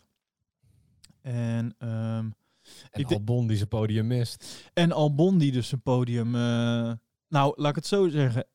Ehm, dit is, de, hier zou je... Nou, ik weet niet of dat helemaal trouwens waar is. Eh, eh, Lewis heeft natuurlijk eh, straf gekregen voor het feit wat hij deed. Maar ik, ik denk dat Albon, als hij iets verstandiger was geweest... dat hij hier gewoon podium had kunnen pakken. Als ik het nu nog weer zo eens terugzie. Als Albon verstandig was geweest. Als, ja, ik denk als hij had je... het, hij had Tuurlijk, de deur we hebben over-. Ja, we hebben het nu natuurlijk over milliseconden werk en alles. En ik snap het, maar ik denk, mm, nou, ik denk dat hij podium had kunnen rijden door iets voorzichtig te zijn in het feit dat Lewis gewoon eigenlijk veel te, te heftig was daar zo in die bocht. Ja. En dan, dan was je weer Ja. onoverwinnelijk geweest, om het zo maar te zeggen. Dan had je echt zeg maar nog die extra dreun uitgedeeld. Toch? Maar ja. Ja, maar ja, goed, dit was, weet je, dit, hij had de bocht wat verder, maar ja, dit is net als als Fiat op je inrijdt. Weet je, als het een torpedo is, dan hou je hem toch niet tegen. dat is waar. Als Lewis hem aantikt, als hij de, de deur verder dicht had, want hij laat de deur best ver open. Ja. Maar wat Lewis daar doet, mag gewoon helemaal Nee, nee, niet. nee, dat is waar. Dat is waar. Dus ja, dan kan je nou moeilijk fout keuren. Hij heeft, in feite is de deur ver genoeg dicht dat Lewis daar niet in mag sturen. Dus ja, het is veel lullig voor hem. het, eh, eh, het, dus de dunne lijn tussen eh, de held zijn en, en de pechvogel ehm, is, wordt daar weer heel duidelijk, om het zo maar te zeggen. Ja. Daar kan, Nou eh, ja, en ik vind, het, ik vind het dus wel leuk dat ze inderdaad laten zien dat Sainz daar eigenlijk zijn eerste podium ooit haalt. Ja. Achteraf. Maar dat ze ook een keer laten zien hoe dat dan is. Weet je, dat hij krijgt nog, nog wel zijn trofee en hij gaat met zijn team een foto maken bij, eh, op dat- bij het op podium, ondanks dat er niemand meer is. Weet je, Ja. alles is leeg. ja, dat ik vind, mooi. dat vind ik wel leuk. Maar het allermooiste vond ik eh, de tweede plaats van Gasly, die eigenlijk als een wereldkampioenschap overwinning werd gevierd daar zo. Dat vond ik zo Ja. mooi. En het was toch een soort van, na alle negatieve, na- negativiteit en de, de verschrikkelijke dingen die er gebeurd zijn, ik, is dit eindelijk een soort van weer een lichtpuntje, weet je wel? Zo van, ja, eh, dit is waar we het uiteindelijk voor doen. En ehm, ja, dit, ik vond het zo mooi om te zien. Ja. Dat, eh, ik gun het die jongen ook gewoon echt. Ja, zeker. Dus, eh, dus dat, dat vond ik echt oprecht heel mooi om te zien. En ehm, ja, eigenlijk was dat wel een beetje die aflevering. Ja, dat was het. Ja, eh, en ik, ik vond op een gegeven moment eh, dan, eh, dan krijgen we wat. want dan krijg je toch de soort van de. de, de, de nou, geen trailer, maar van. eh, ehm, eh, dat, dat ze volgend seizoen. Hè, dan, dan spreken ze op een gegeven moment over in de volgende, volgend seizoen. Dan denk je, oh, blijkbaar komt er een volgend seizoen. En dan Ja. worden er allemaal een beetje beelden, extra beelden bijgehaald en zo. En het is ook allemaal, gaat nergens over. Maar één ding vond ik daar heel grappig. Volgens mij heb ik daar. Een momentje van.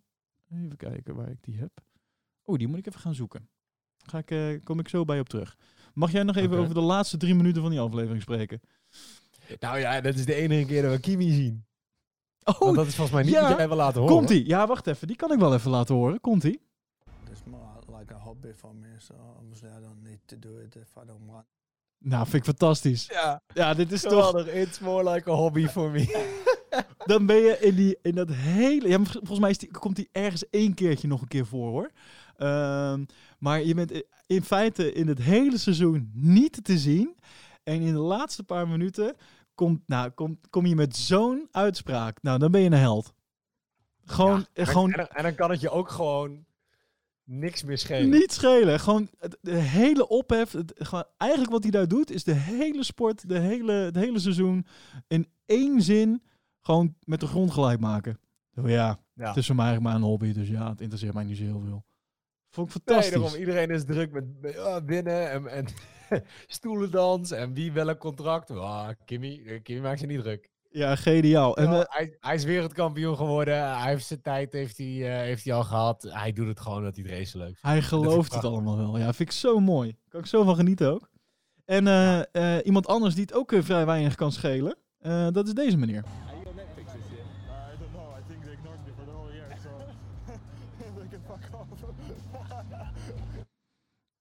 Wie was dit? Ja, Kviat. Derek Fiat, ja. Albon die vraagt hem van eh, iets, wat zegt hij nou? Kom je nog in de Netflix eh, dingen dit jaar? En toen zegt hij nou, well, they, they ignored me the whole year, so they can fuck off. en dat is toch wel een beetje, ik, ik vind het bijzonder dat ze dit trouwens erin hebben gedaan. Want het is natuurlijk een hele dikke middelvinger naar Netflix toe.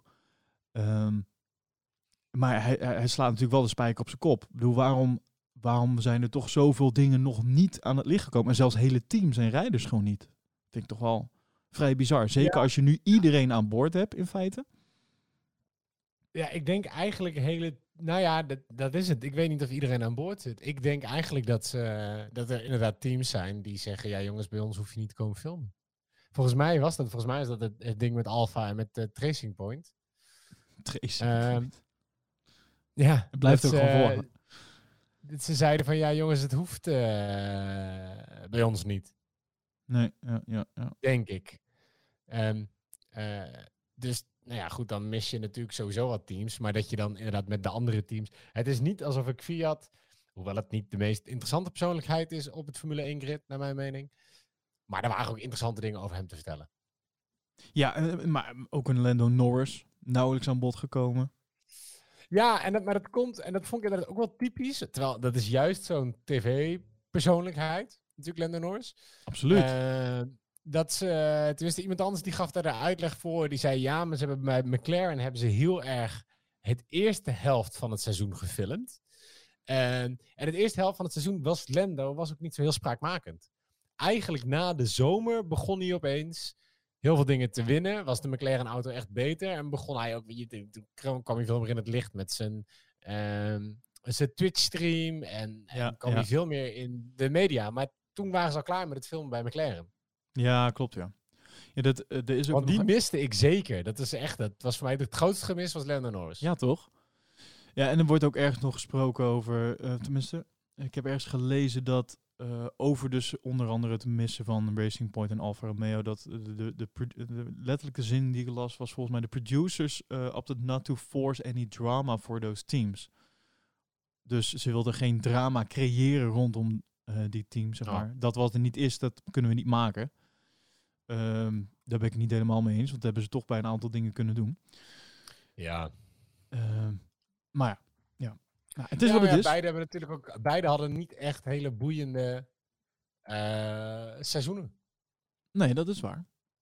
Het meest boeiende was dat Kimi naar Alfa ging, maar ik denk dat die producers ook dachten, ja, we gaan niet Kimi volgen en voor een camera zetten voor Netflix.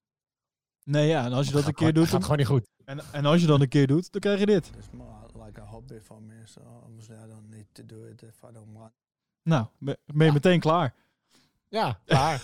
dus ja, dus dat is. Ik denk dat ze daar zelf ook gewoon niet veel. eh, ik, ik hoop dat het dit jaar meer is. Ik zeg al sowieso dit jaar natuurlijk Tracing Point.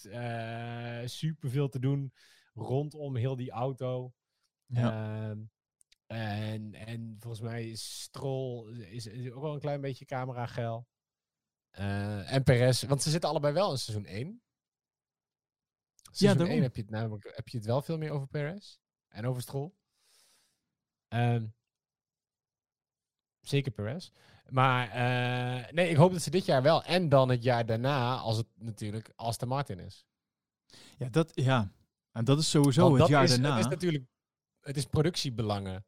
Weet je, en voor Aston Martin is dat weer een mega manier om zichzelf in de kijker te zetten. Dus die zullen zeker mee willen doen aan zo'n Drive to Survive. Terwijl Racing Point heeft geen... Het is een naam die twee jaar bestaat. Weet je, het is niet... Ja, er hangen wel wat sponsors aan vast, maar het is niet zo heel boeiend. Nee, dat is waar. En wat, wat me ook opviel is bij die, eh, eh, ja, de soort van eh, vooruitblik naar 2020, is dat er eigenlijk, het was eigenlijk meer een vooruitblik naar 2021. Viel het je niet op? Over Ja. het feit dat, ja, volgend jaar hebben we nog, maar eigenlijk pas het, het jaar daarna, dan wordt het interessant. Want dan hebben we geen budget cap en andere regels. En nou, noem het allemaal maar op. Dat vond ik wel vrij bijzonder. Het moest Ja. een vooruitblik naar 2020 zijn, maar eigenlijk eh, benoemde iedereen alles wat heel spannend gaat zijn voor het seizoen daarna. Ja. Ja, maar ja, komend seizoen is ook niet zo heel spannend. Denk ik. We gaan het, we, we gaan het zien. Als We je, wil je nog een cijfer? de race. Ja, wil, wil je nog een cijfer geven? De, het, het seizoen? Als je het een cijfer zou moeten Ehm, geven. Ik denk een 7. Een 7. Ik, ehm, 7. ik ga met je mee, denk ik. ik ga, ik Vorig seizoen was een 8. Dit is een 7. gewoon. Ik geef dit seizoen een 7. Vorig seizoen eh, doe ik geen uitspraak over. Eh, nou, dat, dan zit wat mij betreft eh, deze, deze special zit erop. Deel 2 van de special. Toch? Of wil je er nog iets over nee, kwijt? Is er nog iets wat je erover kwijt wil? Nee. Nog even één keer door die niks. aantekening heen? Nee, Nee? het is op. De koek is op. Ik Ja. wil me nu helemaal gaan richten op komende zondag. Naar, eh, naar, eh, naar het nieuwe seizoen. Nou, laten we, dat, eh, laten we dat niet hier gaan bespreken dan. Dat kan je weer in een volgende gewone aflevering van de Pole Position podcast kan je dat horen. Bedankt voor het luisteren naar deze aflevering. Als je ons wil, wil volgen op de so- socials, dan kan dat op Instagram, popposition.nl. En, en praat ook met ons mee ook over Drive to Survive trouwens. Ik heb eh, eh, van de week heb ik even een, eh, een nieuw kanaal aangemaakt in ons Slack-kanaal. Of in onze Slack. En dan hebben we een apart kanaal. Dan kan je helemaal. we hebben het alleen maar over Drive to Survive. Dus ik heb het ook bij even gezet van spoiler alert. Er zijn toch altijd mensen die het nog niet hebben gezien. Hè?